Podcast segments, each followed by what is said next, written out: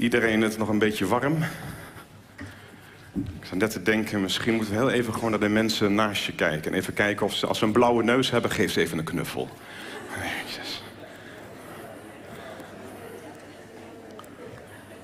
Als ze geen blauwe neus hebben, mag je ze trouwens ook een knuffel geven.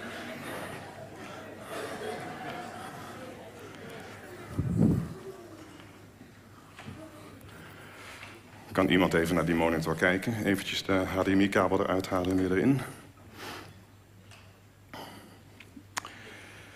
Ja, ik wil het vandaag met u hebben over de missionaire kerk. Althans, uh, dat is de eerste titel die mij opkwam toen ik het aan het voorbereiden was. Maar eigenlijk vind ik het een verschrikkelijk slechte titel. Het is gewoon eigenlijk knap beroerd zelfs. Het slaat nergens op. Het is net zoiets als uh, witte sneeuw. Dat is een pleonasme of, of in simpel Nederlands een dubbeloppisme. Uh, het is, sneeuw is wit, of nou ja, wit. Um, nooit gele sneeuw eten. Maar goed, een pleonasme, witte sneeuw. Missionaire kerk is eigenlijk precies hetzelfde. Elke kerk is toch op een, op een missie. En toch, toen ik op het internet aan het zoeken was naar missionaire kerk... ik denk, ik typ het eens in... ik kreeg honderden hits op die term. Dus ik dacht echt, hè? Er zijn hele preken over gegeven. Is het, is het niet duidelijk dan? Of vragen mensen zich echt af, wat is de missie van de kerk? Echt waar? Wat is dat? Weten we het niet? Of snappen we het niet? Durven we niet? De, Bijbel is er heel, heel duidelijk over. Jezus zelf, vlak voordat hij naar de hemel gaat, vlak voordat hij terug naar zijn vader gaat, is er heel helder over. Dat noemen we dan de grote opdracht. Jezus zegt, ga dus op weg en maak alle volken tot mijn leerlingen. Door hen te dopen in de naam van de Vader en de Zoon en de Heilige Geest. En hun te leren dat ze zich moeten houden aan alles wat ik jullie heb opgedragen. En houd dit voor ogen. Ik ben met jullie tot aan het voleinding van de wereld. Die tekst las, eventjes tussendoor, dan valt mijn oog op het woordje dus. Slaat dat nou weer op? Ga dus op weg. Vlak voor die grote opdracht, daar zegt Jezus... Mij is alle macht gegeven in de hemel en op aarde. Ga dus op weg. Nou ja, daar slaat dat taalkundig gezien dus op. Op het feit dat Jezus alle macht is gegeven. En daarom moeten we op weg gaan. Ik heb daar online ook van alles over geprobeerd op te zoeken. Te kijken of daar ook zoveel preken over gegeven zijn. Maar ik kon eigenlijk niks vinden. Nou, ik kom er straks eventjes op terug. Maar even, even terug naar die titel. De missionaire kerk. Of eigenlijk misschien gewoon een kerk, want ja, dat is hetzelfde. Of eigenlijk gewoon wij. Toch? Wij zijn toch de kerk. Oké. Dus missionaire kerk, dat is dan misschien niet de beste titel. Missionaire christen, is dat dan beter? Nou ja, daar hoor je ook al niet veel beter van. Die gaf tenslotte mee aan zijn discipelen. Aan zijn, zijn twaalf volgelingen. Of, of toen elf, maar straks twaalf. En hij zegt tegen hen dat ze iedereen tot zijn leerlingen, tot leerlingen moeten maken. Tot discipelen, tot volgelingen. Maar wat, wat is het doel van een leerling? Is dat altijd leerling blijven? Nee, een leerling die probeert op zijn leraar te lijken. Dus, dus wat is er dan nog mooier als zelfs die leerling beter wordt dan die leraar? Of zoals als Jezus dat zelf zegt in Lucas 6, vers 40. Een leerling weet niet zoveel als zijn leerling, leraar. Pas als een leerling alles geleerd heeft, weet hij net zoveel. En in Johannes 4, vers 12, dan zegt Jezus... Ik verzeker jullie, wie op mij vertrouwt, zal hetzelfde doen als ik. En zelfs meer dan dat. Ik ga immers naar de Vader. Dus die leerlingen die gaan hetzelfde doen als Jezus. Of meer. En dus de leerlingen van de leerlingen, die gaan ook hetzelfde doen. En dus ook als Jezus. Allemaal magisch. Dat zijn wij. Nou ja, het mogen duidelijk zijn, Jezus die was op een missie. Dus zijn leerlingen zijn ook op een missie. Dus wij zijn ook op een missie. Dus ja, missionaire christen was ook een pleonasme. Want trouwens, in dat, in dat stukje, daar, daar viel maar weer zo'n woordje op. Daar lees je heel makkelijk overheen. Immers. Ik ga immers naar de Vader. Dus, dus wie op Jezus vertrouwt, die zal hetzelfde doen als hij. En zelfs meer, want hij gaat naar de Vader. Ik vind dat een beetje wonderlijk. Dus omdat, of doordat, Jezus teruggaat naar zijn Vader... zullen zij die op hem vertrouwen grote dingen doen. Hoe dan? Wat dan? Daar kom ik straks ook nog eventjes op terug. Maar ja, die titel. Ik weet niet. Kan ik, kan ik wel op een goede titel voor deze preek komen? Dus missionaire kerk, dat is een pleonasme. Want dat zou vanzelfsprekend moeten zijn. Missionaire christen is ook een pleonasme, want dat zou net zo vanzelfsprekend moeten zijn. Wat is dat eigenlijk? Pleo, sorry, pleonasme had ik al uitgelegd. Wat is het? Missionair. We zijn op een, op een missie. Maar welke? De volken tot zijn discipelen maken.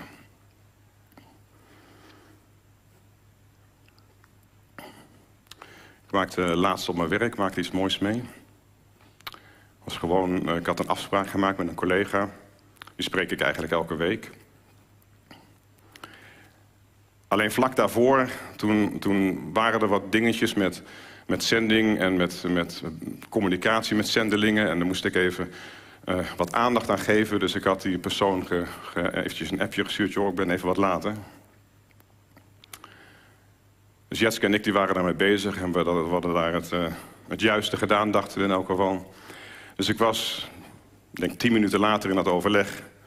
Dus die collega die zegt, joh, uh, moet je nog even een mailtje afmaken? Ik denk, nou, dat had ik kunnen zeggen.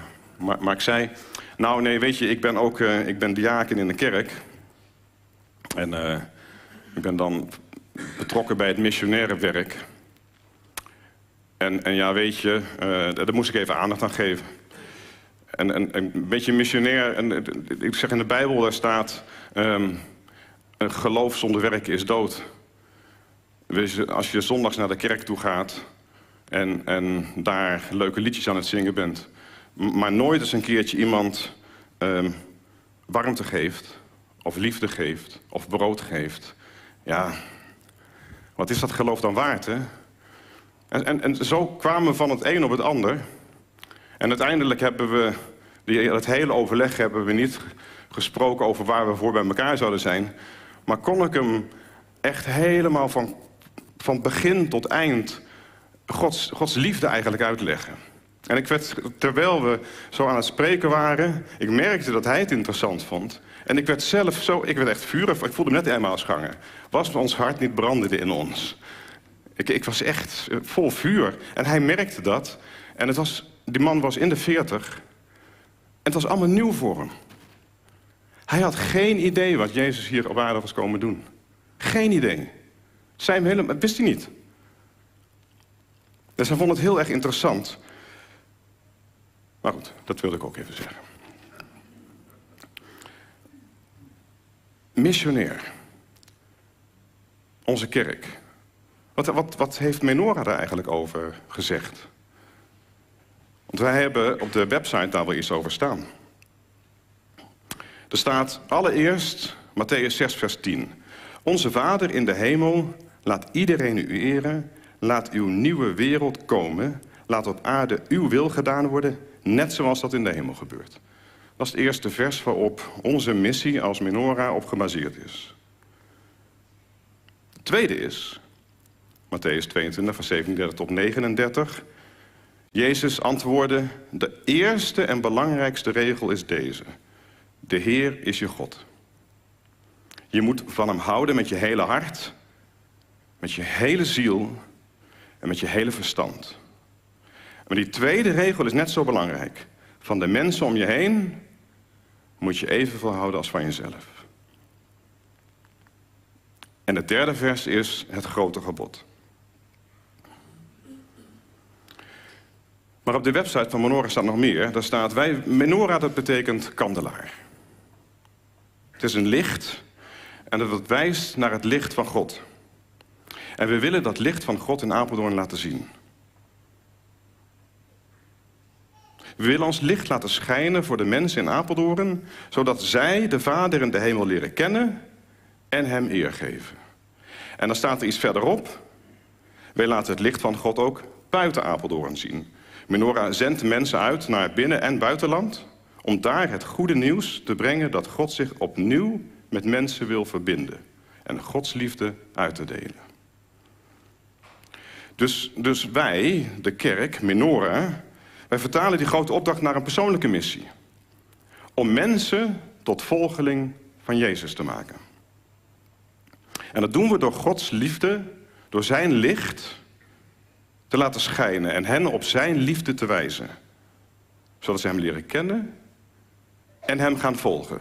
Discipelen. En dat doen we allereerst in Apeldoorn, maar ook daarbuiten. Oké, maar hoe doe je dat dan? Door zending en straatevangelisatie? Absoluut. Dat zijn hele mooie en effectieve manieren. En echt een goede manier om mensen met dat goede nieuws in aanraking te brengen. Maar ik hoor je al denken, maar dat is niks voor mij. Mij krijg je echt die straat niet op, hoor. Dan ga ik een beetje met wildvreemden over Jezus praten. Dat is, dat is doodeng. En zending, ja, dat is iets voor, voor mensen met een avontuurlijk hart. Dat is, dat, is, dat is niet iets voor mij. En weet je, dat snap ik. We zijn niet allemaal evangelisten die de straat op gaan. We zijn niet allemaal avonturiers die naar verre oorden willen of durven gaan.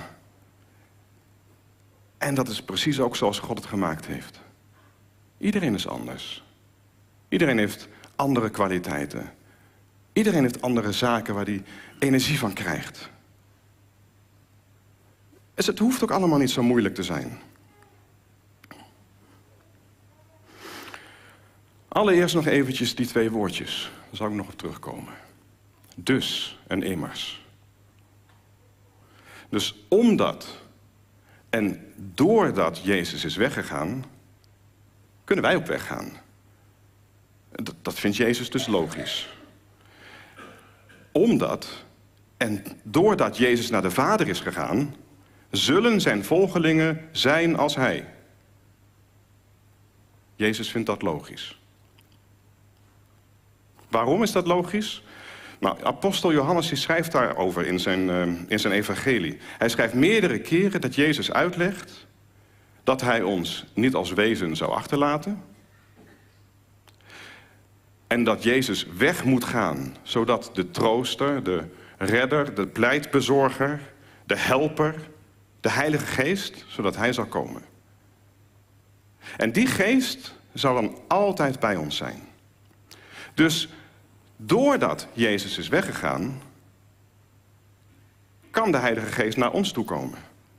En doordat de Heilige Geest hier is, zijn zijn volgelingen, de christenen, wij nooit alleen. En omdat de Heilige Geest altijd bij ons is, zullen we meer op Jezus gaan lijken. Hoe laat je Gods licht zien? Hoe leer je mensen Hem te kennen?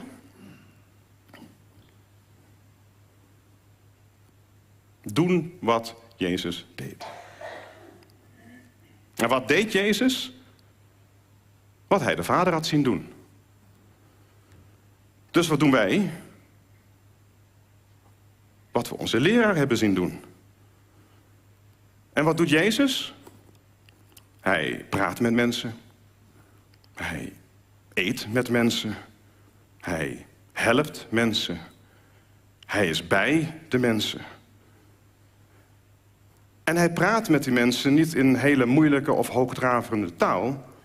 Niet in speciale kerktaal of, of wat we dan in de kerk noemen talen Kanaans. Nee, gewoon zoals het dagelijks leven was. Over landbouw en, en akkerbouw en eten en drinken. Dat wat de mensen kennen. Maar altijd met één doel. Het tonen van de liefde van de Vader. Ja, nou denk je misschien, dat is lekker. Jezus had makkelijk praten. Hij is de zoon van God. Nou, dan vrees ik dat je het mis hebt. Ja, Jezus is de zoon van God.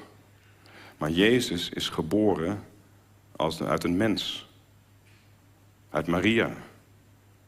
Dus ja, Jezus heeft een goddelijke vader, maar een menselijke moeder. Jezus was 100% mens. Jezus was zoals jij en ik. Hij is mens, maar met een goddelijke vader. En altijd daardoor in contact geweest met zijn vader.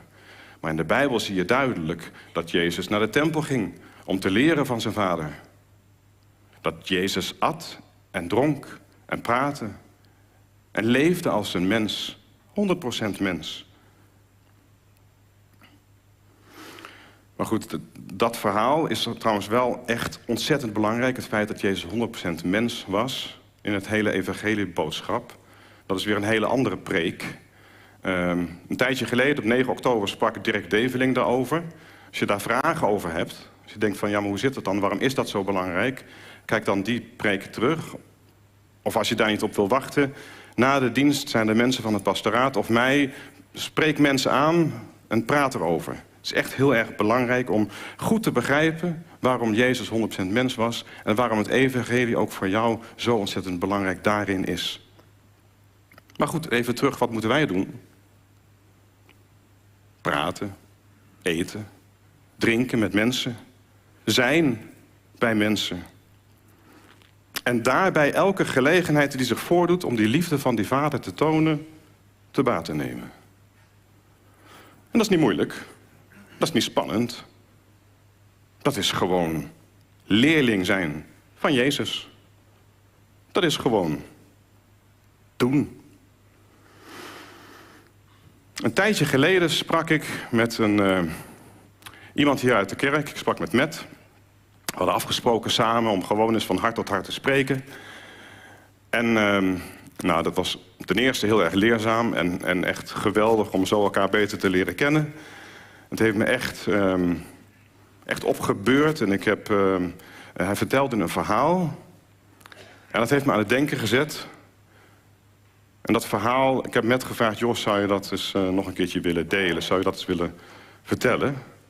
Um, omdat het namelijk zo mooi illustreert... wat gewoon doen en de liefde van de vader in de praktijk tonen betekent. Net. Hoi allemaal. ja, het verhaal wat ik uh, toen deelde met Hans is uh, de volgende. Uh, ik weet niet of jullie het weten, maar ik heb vroeger heel veel aan heel veel geskateboard. De sport skateboarden. En dat is niet alleen een sport die je beoefent, maar dat is ook echt een. klinkt heel cheesy, maar het is echt zo. Het is ook echt een levensstijl. Het bepaalt heel hoe je kijkt naar objecten om je heen. het is een hele gesloten club of een hele hechte club eigenlijk, skaters onderling. bepaalde mindset. En eh, een aantal jaar geleden werd ik gevraagd of ik een skateboardwedstrijd in de binnenstad in Apeldoorn, of ik daar eh, jury wilde zijn. Dus uh, ik zat daar heel tof op zo'n jurystoeltje verslag te geven en cijfers uit te delen. En naast mij lag een skateboard van een van die tieners op de grond. En op die skateboard staan altijd plaatjes en afbeeldingen. Uh, en wat ik hierop zag, dat, daar verbaasde ik me over. Dat is eigenlijk heel licht uitgedrukt. Uh, het is vrij bizar en ik ga het echt heel kort uitleggen wat ik uh, nu voor me zie. Want dit is het plaatje. Uh, onder op het skateboard een heel veld bezaaid met schedels. Daarboven een cirkel met een pentagram erin en een getal. Daarboven als een soort heel vorstelijk persoon een satansfiguur... die een uh, geofferde baby vasthoudt. Daarboven een uh, kruis met daaraan christenen die aan de galg hangen. Super luguber. Dat ligt op zo'n skateboard naast mij. En ik word gewoon fysiek misselijk van wat ik zie. Het is denk ik het heftigste beeld wat ik ooit in een illustratie gezien heb. Dus ik ben heel erg benieuwd van wie is dat skateboard. Dus ik hou het een beetje in de gaten van wie gaat dat ding zo meteen pakken terwijl ik aan het jureren ben. En dan komt een tiener van, ik denk 15 jaar, die pakt dat skateboard. En ik maak nog snel een opmerking. Ik zeg, hé hey, kerel, jouw skateboard. En zei hij, ja, vet hè? en uh, ik zei, ah, ik vind hem best wel uh, heftig zei hij, ja, ik zag hem in de, in de winkel hangen. En ik dacht, ik moet hem gewoon hebben. Ik moet hem hebben. Hij is zo vet. En toen pakte hij dat ding en toen ging hij ermee weg. Nou, die wedstrijd is geweest. Ik ging later naar huis en ik had gewoon een knoop in mijn maag. Dat ik dacht, wat maakt nou dat een tiener van 15 of 16, weet ik hoe, hoe oud hij is... zo'n plank ziet in een winkel en dat hij denkt, die wil ik hebben dat vind ik zo vet. En ik ging er een beetje over nadenken van wat gebeurt daar nou? Nou, ik skate zelf nog steeds. Ik skate ook vrij lomp, dus ik breek vaak zo'n plank. Dus dan moet ik vaak weer een nieuwe kopen. En het is daadwerkelijk een uitdaging om een t-shirt of een skateboard of wat dan ook te kopen... waar niet een Satan op staat, niet een plaatje van Jezus die belachelijk wordt gemaakt... of iets super oversext het is altijd bizar. ik moet echt mijn best doen om gewoon een soort van neutraal iets te kunnen kopen in die scene. En het begon gewoon mijn hart te bewegen. Want wat ik ook weet in de skateboardwereld is dat het uh, een plek is waar heel veel gebrokenheid is. Het zijn vaak eenlingen die heel erg buiten de boot vallen op allerlei plekken. Die komen als eenling op zo'n skatepark en die hechten zich aan zo'n groep. En dat begint een beetje een familie te worden. Dus ik ging echt bidden voor deze groep van... Heer, mijn hart breekt. En juist deze groep mensen, waar heel vaak al gebrokenheid is... dat die worden, uh, worden gevoed de hele tijd met zulke soort beelden... dat dat iets tofs is of dat dat erbij hoort. Wat een, wat een strijd voert zich uh, over deze mensen uit. Um, dus ik was daarvoor aan bidden. En we hadden een skatepark in uh, Apeldoorn. Waar die winkel was, waar al dit soort dingen vandaan kwamen. En die ging op een gegeven moment failliet, in het begin van de coronacrisis. Nou, ik vond het jammer voor het park en ik vond het soort van fijn dat die winkel stopte met bestaan. En toen kwamen opeens al die skaters op straat te staan, als het ware. En uh, juist in de coronaperiode dat niemand meer naar een sportpark kon gaan en van alles. Toen dacht ik, weet je wat ik ga doen? Ik ga juist nu iets bieden voor deze lui. Dus ik had nog een uh, loods die ik huurde bij de nettenfabriek. Heb ik een soort van lage halfpipe gekocht. Die hebben we daar gebouwd. Aantal andere objecten. In een grote WhatsApp-groep met allemaal skaters gezegd... jongens, ik heb dit ding voor jullie gebouwd. Uh, iedereen die een keer wil skaten kan daarheen gaan. Uh, je kunt naar Schenkers gaan. Dat is een café hier in de stad. Daar ligt de sleutel. Kun je lenen, kun je naar het pand gaan... en dan kun je de deur opendraaien, kun je daar skaten. En dat draaide niet alleen de deur open van die loods... maar ook tot een heleboel relaties die ik op kon doen. Omdat het mijn ruimte was, kon ik soort van de spelregels bepalen. En zei ik, jongens, ik wil wel dat dit een plek is van positiviteit. Ik wil niet gekke satan dingen hier zien. Dat is gewoon een huisregel, komt hier niet naar binnen. Um, en in een hele korte tijd kon ik relaties intens opbouwen. Heel veel lui die hun hart openden. Of die mij een appje sturen en die zegt... Uh, met ik heb nu zo'n nare situatie thuis, uh, ik moet hier echt weg. Uh, vind je het goed dat ik vannacht, dit gebeurde echt, vind je het goed dat ik blijf slapen in die loods, in dat skatepark? En al heel snel begon het een plek te worden waar zij zich helemaal gingen binden en thuis gingen voelen. En voor mij een manier om dichterbij aan te komen. Nou, inmiddels is die loods weer dicht, maar het heeft van alles in gang gezet. Um, en daar hou ik het denk ik bij. Dat is het verhaal wat ik Hans onder andere vertelde. Ja. Dankjewel, Matt. Uh, ja.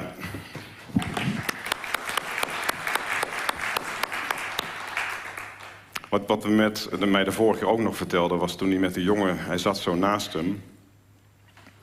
En dat heeft mij eigenlijk ook heel erg geraakt. Is dat hij niet tegen hem toen zei: Hoe kan je dat nou doen?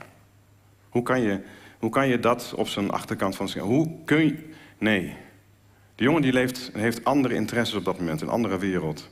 Maar, maar, maar met bouwde op dat moment een relatie. Door gewoon met een gesprek aan te gaan... gewoon over gezamenlijke interesses. En dat heeft deze dingen in gang gezet.